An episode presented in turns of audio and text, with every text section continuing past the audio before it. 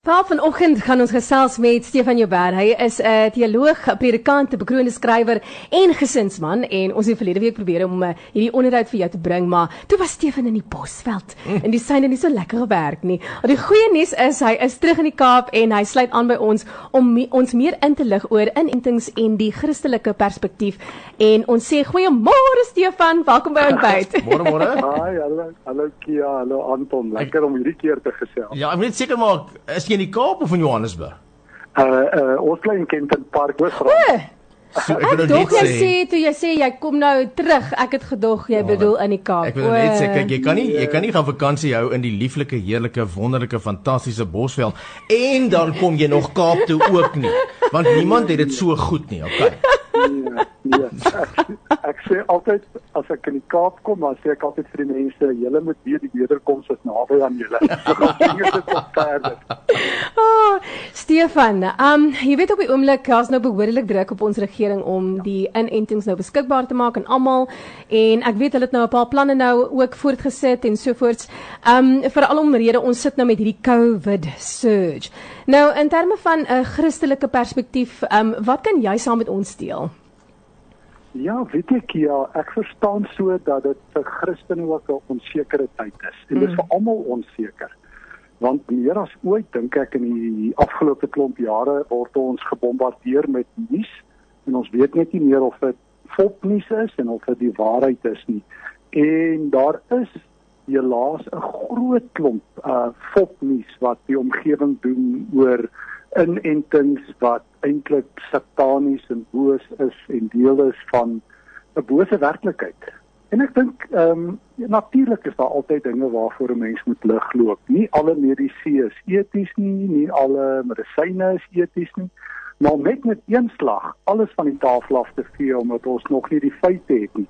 Ek sou sê as jy begin hier lê 'n Christelike verantwoordelikheid om in hierdie tyd met superwysheid te kyk, om na die regte wetenskaplike feite te kyk en om die Bybel reg te verstaan. So dit het my gehelp om nie my ore uit te leen vir elke ou wat op uh, so 'n vriend van my nou eendag gesê as 'n ambulansdrywer in Oesbekistan 'n video maak en sê mense julle moet oppas vir die vir die virus om dan net daarmee weg te hardloop nie, want Mm. te gaan vra wie is regtig Christenwetenskaplikes? Watter Christen dokters het 'n opinie na wie ek moet luister? So dit sal vir my 'n basiese uitgangspunt wees. Want ek moet vir jou sê Stefan, daar's daar's baie mense en baie gelowiges wat Ja. vreeslik groot skryf vir bangmaak stories. En daar's so baie bangmaak stories. Hulle probeer as dit ware 'n duiwel agter elke bos uitskop. As daar nou as daar nou 'n nuwe speelding op die mark is, dan is dit net 'n dag dan dat jy nou hierdie klomp waarskuwings oor Ja. jy weet hoe satanies dit nou eintlik is en en, Ja. en en ensovoorts ensovoorts ensovoorts en dan môre is daar iets anders en dan sal weer 'n klomp mense wat vir jou vertel van jy weet Ja. dis nou weer vanuit 'n Bybelse Bybelse perspektief is dit nou weer verkeerd. Op die einde van die dag voel dit vir my ons moet ons almal maar net self Ja. in die huis toesluit. Mm. Ons moet die gordyne styf toe trek ja. en en ons moet ons moet maar Net nêrens kom. ja. Ons moet maar net Ja. nêrens kom. Ja. Uh en jy, ja, Ja. Ja, weet jy Anton, ek wil so ja daarop sê wat jy nou sê. Weet jy dis my altyd die interessantheid van van die Bybel is 'n groter celebrity in die kerk as wat hy in die Bybel is. Hy kry meer aandag per preek as wat hy in die hele Ou Testament kry. Ek meen daar's vier verwysings na die duiwel in die hele Ou Testament na die Satan. En ek het vir myself gesê, weet, um, kom ek kry die regte Christen wetenskaplikes om vir my perspektief te gee. En toe het ons nou die dag op ons E-kerk het ek in Desember 'n gesprek gedoen met Dr. Ena Bramley. Sy is 'n eks-Suid-Afrikaner met 'n doktorsgraad in genetika met haar eie maatskappy in Amerika en haar kollega het die anti uh, die die die die die vaksines teen die Ebola virus uitgevind. Hmm. En ek het myself nou die vraag gevra, jy weet as een van ons Ebola kry, sal ons daai daai inenting sonder enige probleme vat, soos wat ons die polio inenting gevat het. En toe ons nou in Desember het ek een aand vir 'n halfuur lank so video gesprek met Ena Bramley gedoen. En daai vrou is 'n committed kind van die Here. Ek bedoel haar geloof, sy sê dit is haar roeping, dit is haar calling om saam met ouens te werk wat Christen is om die regte dinge uit te vind. En ek het nogal gedink ek sal eerder na Ena Bramley luister en sy sê my man Christenwetenskaplikes is nie besig om dooie fetusse te gebruik om wat of mense se DNA te verander nie. En dan dink ek, goed, ek het daarom nou een Christen in hierdie wêreld wat vir my 'n baie goeie verantwoordelike opinie kan gee. Dan hoef ek nou nie te luister, ekskuus as ek dit so sê, na oom wat eers iets gelees het en 'n storie opgemaak het en nou nou maak Christene mekaar bang, dat ons mekaar troos en dat ons die mm. waarheid soek soos die Here sê. Ja. Net ja, net laastens daar's mense wat ek nou persoonlik gesien het ook op sosiale media en sovoorts wat sê hierdie is die merk ja. van die dier. Jep. Uh, wat is yep. jou opinie oor dit? ja, weet jy Anton, klaar, weet jy wat so interessant is? Dit blaas my kop weg dat daar meer verwysings in die Nuwe Testament en in die Ou Testament is na die merk van God.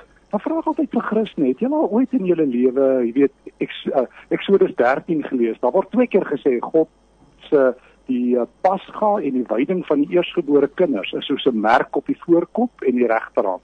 Of Deuteronomium 6 en 11, waar God sê my wet is 'n merk op julle voorkop en julle regterhand.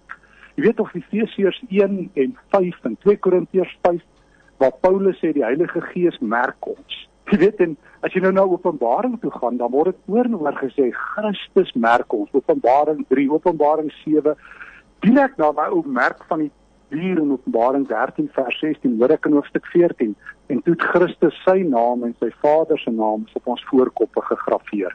So dis vir my duidelik heel eerste as ek dit weet dat ek die merk van die dier in die lig van die merk van God moet lees. God merk sy mense. Nou sê daai Openbaring 13 vers 16 hy merk alle mense, klein en groot, ryk en arm. En hoofstuk 14 sê 15 as jy daai merk dra, is jy onder God se oordeel.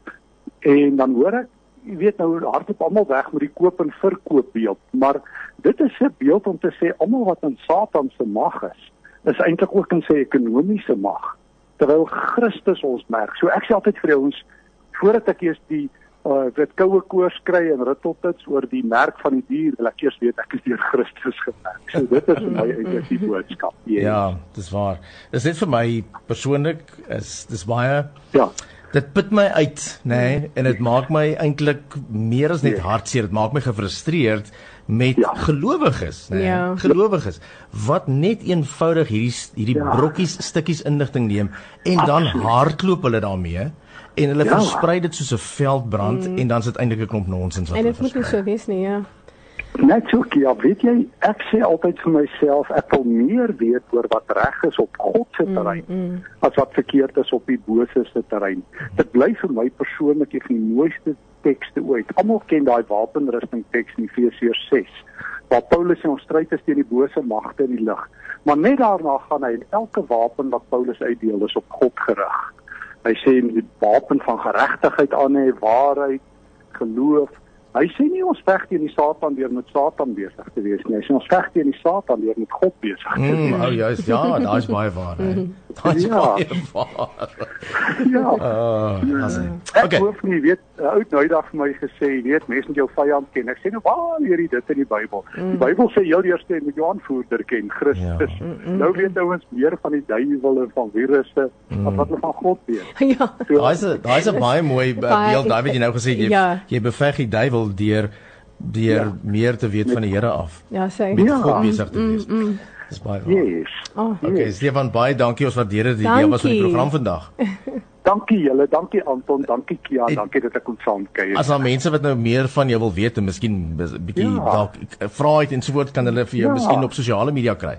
Ja, hulle kan kyk op ons my Facebookblad, hulle kan skryf aan Ekerk, uh, daar's ekerkinfo@ekerk.org, dit is 'n groot internetbediening. Hulle is welkom om soontoe 'n brief te stuur. En op ons webblad te gaan kyk, daar's die gesprek met Ena Bromley en alles is daar beskikbaar. Ag, fantasties. Stefan Joubert, baie dankie, lekker dag vir jou, hoor. Dankie julle. Totsiens. Bye bye.